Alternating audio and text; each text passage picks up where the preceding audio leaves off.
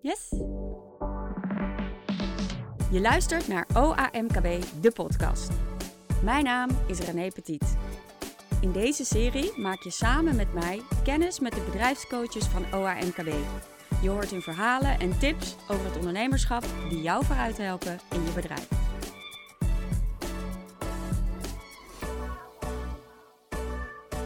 Er is niemand te krijgen, roepen recruiters, terwijl 60% van de mensen zijn latent op zoek naar een nieuwe baan.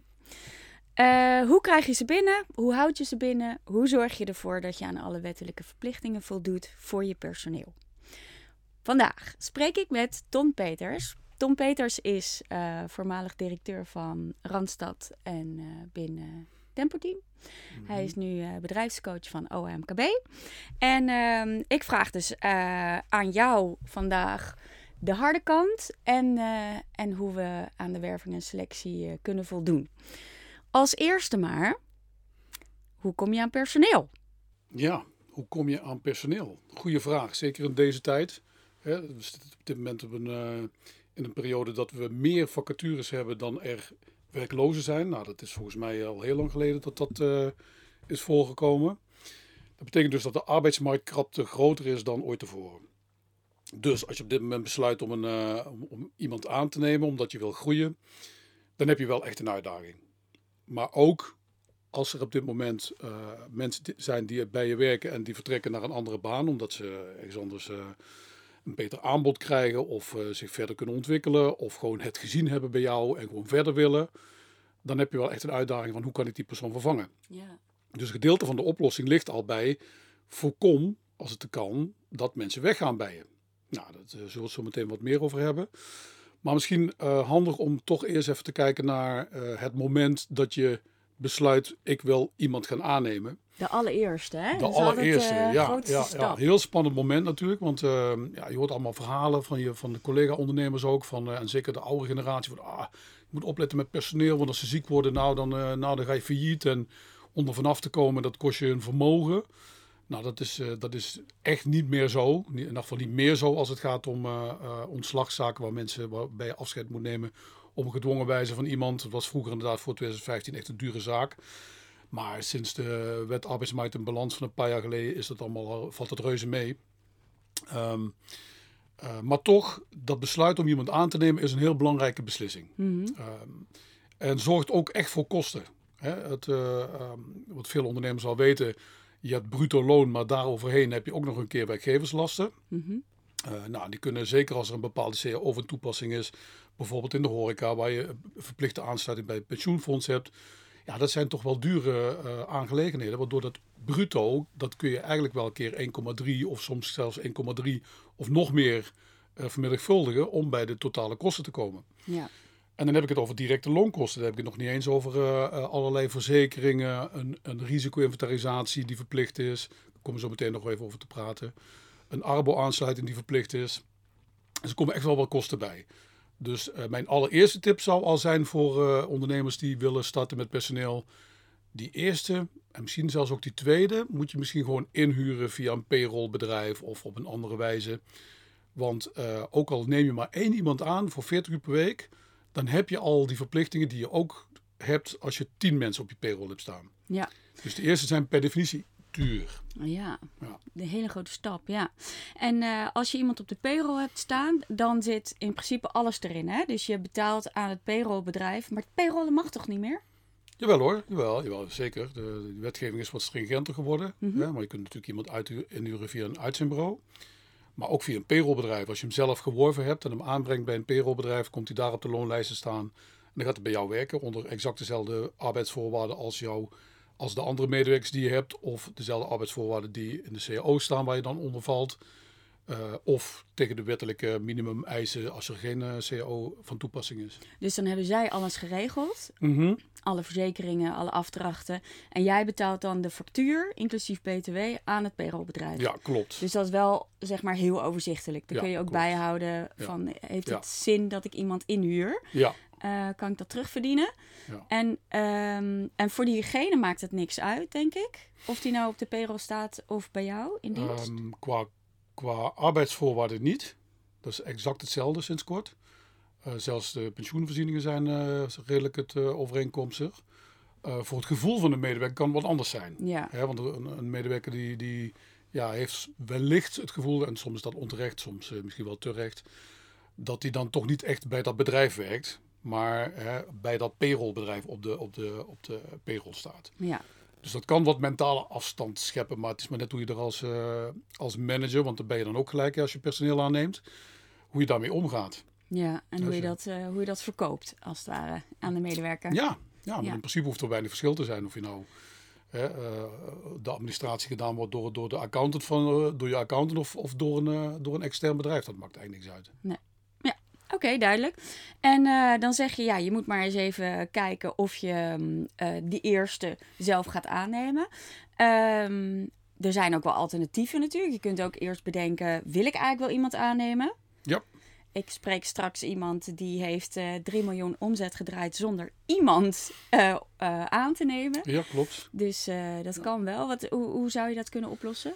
Nou, er zijn uh, legio mogelijkheden. Um, er zijn ook nieuwe mogelijkheden bijgekomen. Althans, die hebben de populariteit zijn die enorm uh, gestegen. Dat is bijvoorbeeld het werken met remote talents. Hè, dat, uh, de, de, eerste medewerkers van, van een aantal banken in Nederland die niet meer naar kantoor mochten. vanwege de COVID-maatregelen, die zijn vanuit de Canarische eilanden gaan werken. Nou, beviel, dat beviel zo goed ja. dat ze er nog steeds zitten. uh, komen wel regelmatig terug in Nederland, maar uh, we hebben, ik heb ook een klant, die, die, uh, een ondernemer, die, die werkt met mensen die in Bali, eh, op Bali verblijven. Die zijn dus overdag tot twee uur uitstekend bereikbaar, daarna niet meer, want dan is het daar echt laat. Ja. Maar dat werkt uitstekend als je, als je daar kunt inloggen en je werk kunt doen. ons eigen kantoor is ook wel een goed voorbeeld. We, werken met, we hebben een gedeelte van onze administratie wordt verwerkt op de Filipijnen.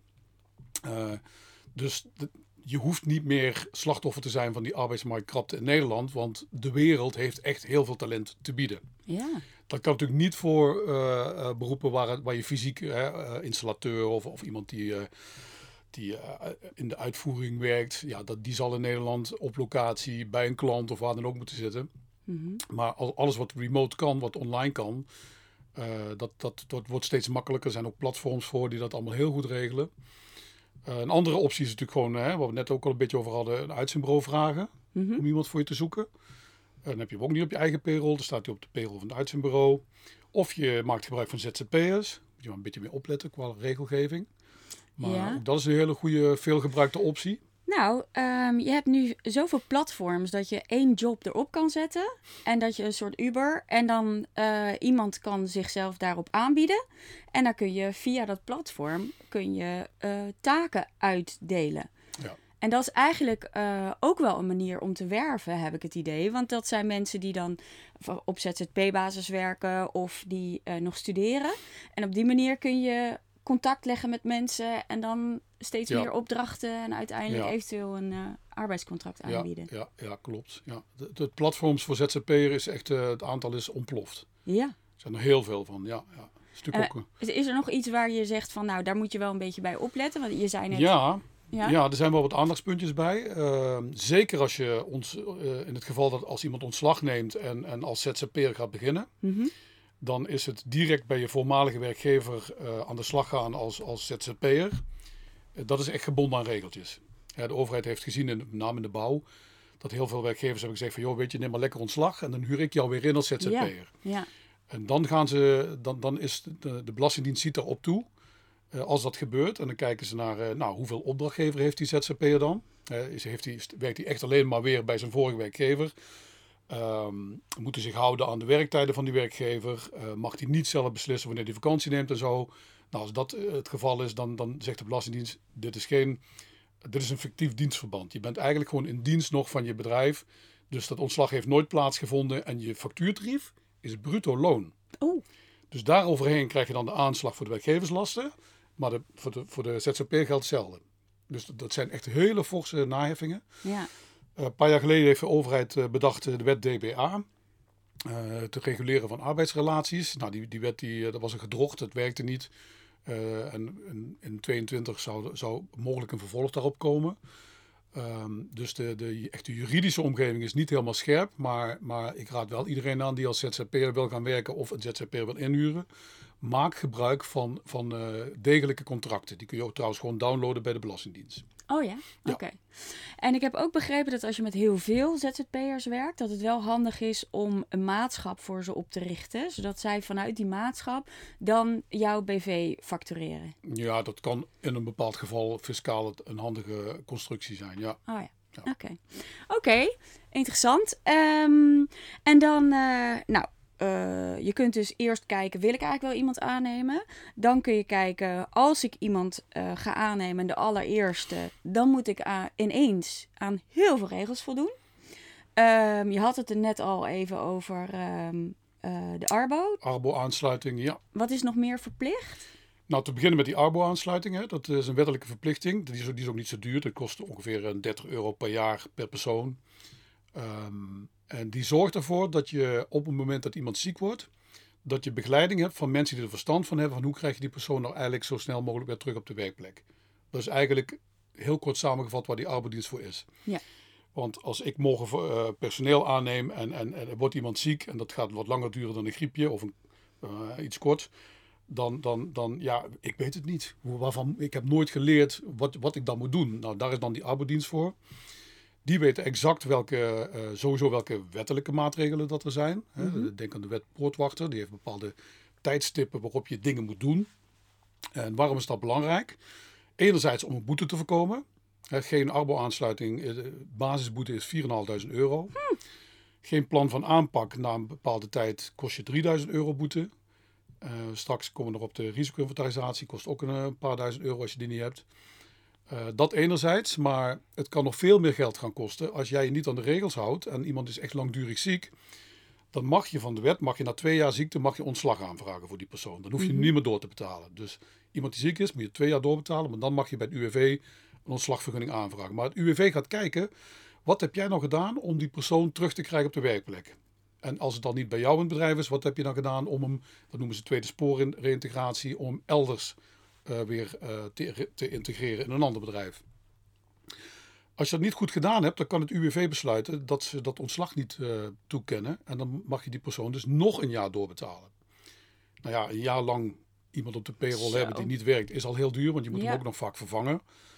Uh, dus dat zijn echt, echt heel erg. Uh, dat zijn hoge kosten die je kunt voorkomen door, door een aantal dingen aan de voorkant goed te regelen. Ja, ja. En dan kun je zeggen, ja, waarvoor is dat nodig in Nederland? Ja, dat is blijkbaar dus nodig om te voorkomen dat die, die, die, die lasten verspreid worden over, over de maatschappij. Uh, jij als ondernemer bent, uh, jij wilt personeel hebben, ja, dan horen er ook bepaalde verplichtingen bij. Ja, duidelijk. Oké. En um, laat zei jij ook tegen mij dat er, uh, dat er een werkgever was en die had een medewerker niet genoeg achter de broek aangezeten om weer terug te komen op het werk. Ja, dat klopt. Ja. Dat was, ik vond het een heel opvallende uh, zaak, want uh, het UWV besliste daar dat uh, die werkgever die had die persoon een, een uh, brief moeten sturen waarin gedreigd werd met, met ontslag op staande voet, maar in elk geval het, het stoppen van het loon als die persoon zich niet zou melden op een bepaald tijdstip bij, bij een arboarts in dit geval. Ja, het bedrijf had dat niet gedaan, want die verstandhouding met die zieken was ook niet zo dat, ze, hè, dat, dat men sprak in, in, in dat soort uh, dreigementen. Ja. Uh, maar het betekent wel dat ze dus langer uh, moeten doorbetalen, ja. Heel veel het geval. Ja. Nou, inderdaad, ja. Wil je het goed doen als werkgever? En, ja. uh, want je zit eigenlijk een beetje in de knel. Want enerzijds wil je natuurlijk dat je medewerker zo snel mogelijk beter wordt. En je wil uh, het beste voor die medewerker. En je wil je relatie niet verpesten. Maar mm -hmm. anderzijds uh, moet je dus ja. wel zakelijk zijn. Ja, je moet alles eraan doen om die persoon weer terug te krijgen op de werkplek. Ook dus die dreigementen. Die, die, dreigen met een sanctie. Ja, ja, bizar. Als hij zich dus niet houdt aan de, aan de, aan de dingen die hij eigenlijk had moeten doen. Hè. Dat, ja. Dus, dus natuurlijk ook wel gelukkig maar weer een uitzondering. Ja, ja gelukkig. En dan zeg je, arbodienst is uh, verplicht. Uh, al meteen bij de eerste. Ja. Wat is nog meer verplicht? Je had het net al even over een risico. Risico-inventarisatie, ja. Klopt. Uh, de wetgever zegt in Nederland moet je ervoor zorgen dat je als werkgever je medewerkers een, een veilige werkomgeving aanbiedt. Ehm, dus dat betekent dat je eigenlijk met een hele lijst vragen gewoon door je bedrijf moet lopen om te kijken, zijn er risico's hier? Nou, dat verzin je niet. Sorry. Ja. ja, dat verzin je niet als je zo om je heen kijkt. Dus daarvoor is een, een, eh, een vragenlijst wel echt belangrijk die alles helemaal echt echt op alles let. Glazen deuren zijn er op ooghoogte zichtbare dingen. dus dat je voorkomt dat je door die deur heen loopt. Of liggen er loslopen, losliggende kabels op de. hoe is het licht, hoe is de lichtinval? Hoe is de temperatuur? Hoe is de ventilatie? Je kunt het zo gek niet verzinnen. Nou, er zijn hele mooie vragenlijsten voor. En dat kun je zelf doen trouwens. Kost je alleen heel veel tijd. En als je het nooit gedaan hebt, nou ja, als je veel tijd hebt, moet je doen. En anders moet je gewoon daar hulp bij halen. Ja. ja. ja. En dan, um, nou, dan heb je risico-inventarisatie. En uh, op het moment dat je daarmee bezig bent, ben je al wettelijk goed ja, bezig, toch? Op het moment dat je die lijst uh, opgestart hebt en, en je hebt hem inzichtelijk voor je medewerkers en je hebt hem, in, in, als er controle komt, je kunt laten zien van nou, ik ben ermee bezig. Dan ben je eigenlijk, voldoe je al aan de wet. Is hij nog niet klaar, dan krijg je nog drie maanden om hem af te maken. Nou, dat is meer dan genoeg tijd. En dan heb je hem daar liggen. Wat is het dan? Ja, dan heb je een plan van aanpak. Want je hebt de risico's uh, geïnventariseerd. Mhm. En bij elk, elk punt waar een risico in zit, heb je een maatregel die je voor jezelf, bijvoorbeeld, uh, weet ik, ik noem maar wat, een brandblusser. Ja, die is er niet. Nou, dan, dan zet je op, in, juni 2022 in dit geval, uh, staat die brandblusser daar. Punt. That's it. Oh ja, dan staat er ook nog bij en dat moet gebeuren door die en die. Dat is dan heel vaak de eigenaar van het bedrijf. En, dat, en het kost ongeveer zoveel. Dus staat ook nog een budgetje bij. En dus echt gewoon een plan van aanpak. Heel, heel, uh, heel eenvoudig, maar wel heel duidelijk ook. Ja, oké, duidelijk. Nou, dat waren de verplichte onderdelen. Um, niet verplicht is een uh, ziekteverzuimregeling. sorry, ziekteverzuimverzekering. Maar wel handig, denk ik. Ja. Of duur. Uh, wel ook wel duur, inderdaad. Hoewel het uh, afhankelijk is van uh, het eigen risico wat je neemt. En daarom is het ook een, echt een één-op-één verzekering. Um, als je personeel hebt wat ziek wordt, dan moet je die dus twee jaar lang doorbetalen. Voor heel veel ondernemers is dat niet op te brengen, hè, omdat je die ook nog een keer moet vervangen, vaak die medewerker. Dus je hebt dan dubbele kosten. Mm -hmm. En ondernemers verzekeren dus dat risico bij een verzekeringsmaatschappij. Ja. En heel vaak gaat dat trouwens in combinatie met een Arbo-aansluiting. Dus dan heb je die twee dingen in één keer uh, uh, gedekt. Maar nogmaals, die Arbo-aansluiting die is wettelijk verplicht. En de ziekteverzuimverzekering, dat is eigenlijk een, ja, een verzekering. Die, uh, daar kun je voor kiezen of je dat doet, ja of nee. Heb je een bedrijf met een groot eigen vermogen en kun je dat makkelijk dragen? Nou, dan hoef je je ook niet te verzekeren. Ja, dan kun je ervoor kiezen om dat risico echt zelf te, te, te lopen. Mm -hmm. Maar heb je wat minder eigen vermogen of heb je medewerkers in een bepaalde risicogroep, dan zou ik er zeker voor kiezen om dat risico te verzekeren. Ja. En dan kun je ervoor kiezen bijvoorbeeld om te zeggen van nou, ik heb helemaal, ik heb heel weinig eigen vermogen, dus binnen een paar weken moet die verzekering al, al mijn kosten gaan overnemen. Dan betaal je natuurlijk wel fors meer premie. Maar je kunt ook zeggen van nou, ik, ik doe de eerste twee maanden betaal ik zelf wel. En daarna, als het echt lang gaat duren, dan moet die verzekering het overnemen. En, en ja, de statistisch is, is, kun je gewoon zien dat 99% van het ziekteverzuim duurt korter dan twee maanden. Dus, dus dat risico is dan ook niet zo heel groot. En dat betekent ook dat die premie echt een stuk aantrekkelijker is. En waar hebben we het dan over? Het verschil tussen meteen na dag twee betalen en na. Ja, dat, is, dat, dat kan uh, uh, tot, tot meer dan 100 euro per maand uh, schelen zelfs. Ja. Oké. Ja. Hey, en heb jij nog uh, tips voor uh, ondernemers van, nou, die verzekering is wat goedkoper dan die? Ja, de doe-het-zelf verzekeringen, hè, zoals bijvoorbeeld uh, in Nederland natuurlijk een heel bekende, is even Apeldoorn bellen, Centraal Beheer Achmea. Die hebben, een, die hebben ook voor, voor kleine bedrijven echt leuke regelingen. Moet je, moet je natuurlijk allemaal zelf invoeren. dus het is wel wat meer werk, maar het is echt wel qua premie ook een stuk aantrekkelijker dan dat je bij een partij gaat die, die, uh, ja, die kant-en-klare pakketten heeft en, en die het via een tussenpersoon regelen voor je. Oh, zo ja. Oké. Hey, en um, nou heb je nog uh, bij uh, Human Resources heb je natuurlijk je personeelsadministratie, personeelshandboek. Dat soort dingen zijn niet verplicht. Nou, de personeelsadministratie eigenlijk wel wel. Hè? Dus ja. de salariering, dat, moet mm -hmm. je, dat kun je zelf doen, maar dat doet bijna niemand, omdat het echt complex is. Dus dat kun je uitbesteden aan OMKB bijvoorbeeld, die, uh, die uh, een aantal, op een aantal vestigingen in Nederland uh, salarisadministraties doen. Um, dat is echt complex. Moet je, en daar zou ik echt nooit aan beginnen als ik een tip mag geven aan iemand die begint met personeel. Ja, en het kost ook echt niet veel, toch? Nee, je hebt het over 15 euro per maand per loonstrook. Ja. En bij meerdere medewerkers is dat bedrag natuurlijk nog lager. Dus, dus het is echt, begin daar niet aan. Want als, dan moet je allemaal die wetgeving gaan bijhouden. Uh, over percentages, inhouding en dergelijke. Dat is dramatisch, dus niet doen. Ja. Um, ja, en buiten die, die, uh, die verplichtingen die we net genoemd hebben, heb je wat is dan wel handig? Nou ja, een arbeidscontract. Dat is wel handig. Ja, het is niet verplicht dus. Nee, dat is niet verplicht. Althans, het is niet vormvast. Hè? Je, je mag het doen, uh, gisteren over, uh, je mag een liedje zingen. Ja. Waarin je afspreekt wat, wat je met elkaar ja. overeenkomt. Je mag een PowerPoint maken, dat mag ook. Maar uiteraard, de meeste bedrijven gebruiken gewoon een schriftelijk arbeidscontract. En dat kun je heel cheap doen door op Google te gaan zoeken arbeidscontracten. vind je er heel veel. Maar dat kan ook echt helemaal verkeerd aflopen. Want? Je hebt, de arbeidswetgeving in Nederland is best wel stringent. er zijn allerlei regeltjes over wel proeftijd en geen proeftijd. Hoe lang dan die proeftijd, opzichttermijnen, uh, minimale salarissen, minimaal arbeidsvrije dagen. nou ja, je moet van alles nog wat met elkaar afspreken. Wat je wel en niet aan concurrentiebeding erin mag Bijvoorbeeld zetten. ook, inderdaad, bij tijdelijke contracten. Ja. van opleidingen, nou, dat soort dingen. Verzin het maar. Ja. Uh, dus daarvoor hebben wij een contractenservice bij OAMKB. Dan, dan maken we dus een modelcontracten die helemaal, uh, helemaal passen bij jouw bedrijf. Ja. Uh, die, die passen bij de flexibiliteit van jouw bedrijf. En als het even kan, streven we daarbij ook gelijk naar de laagste, het laagste WW-premiepercentage. daar heb je namelijk verschil in. Sommige contracten die, die hebben een, een wat hogere WW-premiepercentage.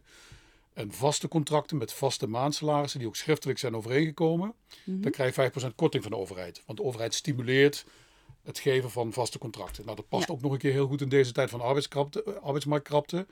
Eh, dat je gelijk iemand die, eh, die, ehm, die binnenkomt, gelijk het vertrouwen geeft van... joh, jij krijgt gewoon een contract voor onbepaald tijd. Ja. Eh, twee maanden proeftijd zou ik dan wel doen, want je weet Mhm. nooit. Ja. Maar in die twee maanden kun je echt wel goed kijken of iemand eh, past binnen je club, ja of nee, en hoe die presteert.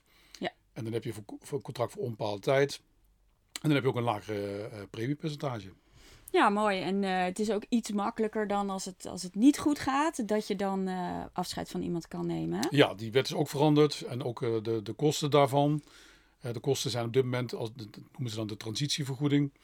Als je, met elkaar, als je van elkaar afscheid neemt, dat kan via het UWV of via kantonrechter of via een, eh, een vaststellingsovereenkomst. In een vaststellingsovereenkomst mag je alles afspreken. Dat geldt ook geen verplichting tot transitievergoeding. In die andere gevallen eh, dat je een ontslagvergunning krijgt, eh, geldt de transitievergoeding en die is een derde maandsalaris per dienstjaar. Ja. Dus, je moet, dus drie jaar in dienst is één maand salaris. Ja, Dus dat is echt Dat is niet best wel te overzien. Ja, Ja. dat is echt wat te Ja. overzien. Ja. ja, dan komt er nog een Hey. fictieve opzichttermijn bij van één maand vaak.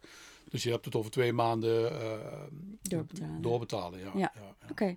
Hey, en als ik nou eh, ondernemer ben, ik ben aan het luisteren en ik denk, potverdikkie, die heb ik eigenlijk helemaal niet goed geregeld eh, binnen ons bedrijf. Of ik ga net aan, aan nieuw personeel beginnen.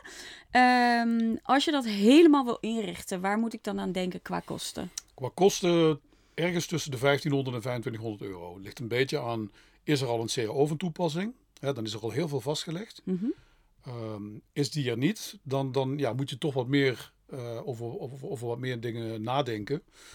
Ehm, bijvoorbeeld een personeelsgids, hè, waar eh, ziekteverzuimprocedures in staan, afspraken. Hoe het, maar ook als je hier binnenkomt, eh, waar moet je je melden? Of hoe gaat het hier met de sleutels? Waar moet je parkeren?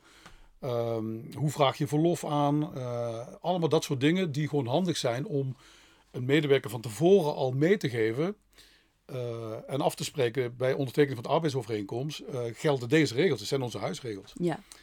Ehm, Ja. Dat hoort erbij. ehm, eh, ja, alles wat, zeg maar, denk maar aan alle procedures en dergelijke. Inclusief de arbeidscontracten in alle, allerlei verschillende vormen. Hè, oproepcontracten, tijdelijke contracten, onbepaalde tijd. eh, je kunt van alles nog wat eh, voorbereiden. Ja. En zeker als je wat meer medewerkers hebt, dan, zou ik, dan is dat wel een tip om te doen. Hè, de- de- Dat bij- je, dat je een, een flexibele schil hebt en een vaste kern. Nou, dat bijvoorbeeld. Hè, eh, maar, maar ook gewoon dat je weet, als iemand vraagt van nou, mijn, mijn zus trouwt, hoeveel eh, krijg ik daar vrij voor? Niet dat Ja. je dat ter plekke moet verzinnen allemaal. Het staat al in de personeelsgids. Ja. Snap je? Dat soort, Precies. dat soort praktische Ja. dingen. En dat je ook over, een beetje overeenkomstige arbeidsvoorwaarden overeenkomt. In het begin, veel klanten die eh, natuurlijk eh, niet zoveel personeel hebben nog. De eerste wordt aangenomen met 30 verlofdagen en de tweede met 20 en de derde met 22. Ja. En, en, eh, dus het gaat, het gaat alle kanten op. Omdat vaak de arbeidsvoorwaarden van die vorige werkgever worden overgenomen. Ja. Hè? Want in het sollicitatiegesprek, ja, god, ja, eh, wat gaan we dan afspreken met elkaar? Nou, dan krijg je dit soort afspraken. Ja. En, ehm, En salarissen kunnen heel erg verschillen dan, hè? ja, ja, ik weet, ja. eh, een klant van mij die wil heel graag iemand aannemen. Maar voor zijn achtergrond en zijn leeftijd verdient hij dus nu bij zijn vorige werkgever 1000 euro bruto meer per maand. Ja, wat doe je dan? Je wil iemand wel hebben, maar diegene is gewend aan zijn salaris, dus die kan ook niet heel veel zakken. Het is arbeidskrapte, maar ja, daar hou je niet zo lang onder de pet natuurlijk. Dus hoe ga je daar nou mee om?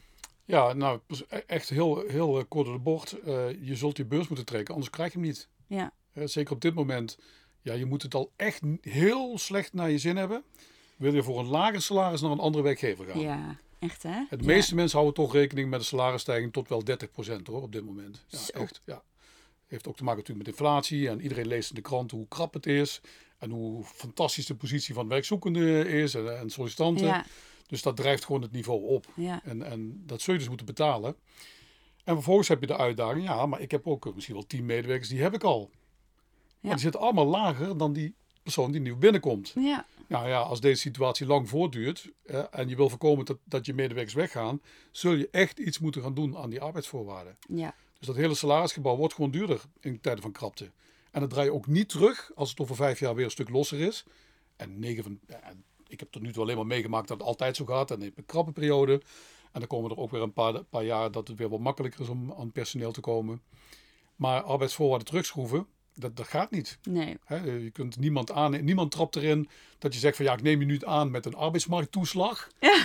Maar als het weer wat rustiger wordt op de arbeidsmarkt, dan haalt die toeslag eraf. Ja, dat, dat trapt echt niemand in. Nee, nee. Dus, het, dus, dus de uitdaging te maken is dan, met inflatie. En, ja, ja dus de uitdaging is, hoe krijg je dan die hogere salariskosten doorbreken naar mijn klanten? Ja, moet je Dus ik verg wel wat. Ja. ja. De prijs moet dan weer omhoog. Maar dat betekent ook weer dat je moet gaan nadenken over je onderscheidend vermogen. En kan dat wel? Ja, en anders moet je er niet aan beginnen. Nee. Niet aannemen als je dat niet kan. Ja. ja. Helemaal doorrekenen. En dan kunnen we aan jou ook mee vragen, toch? of jij even mee wil uh, kijken. In deze podcast bespraken we de harde kant van de HR, de wettelijke verplichtingen, cao's en contracten. In de volgende podcast hoor je het vervolg van dit interview en dan hebben we het over de werving en selectie. Ton en ik vertellen hoe we in deze tijd het voor elkaar krijgen om nieuwe medewerkers te vinden tegen aanzienlijk lagere kosten dan de gangbare recruitment fees. En we leggen je ook uit hoe dat kan. Bedankt voor het luisteren naar OAMKB, de podcast. Download nu ook onze app Bedrijfscoaching in 2 minuten per dag. Voor een goed lopend en winstgevend bedrijf. Je vindt de app in de App Store en op Google Play.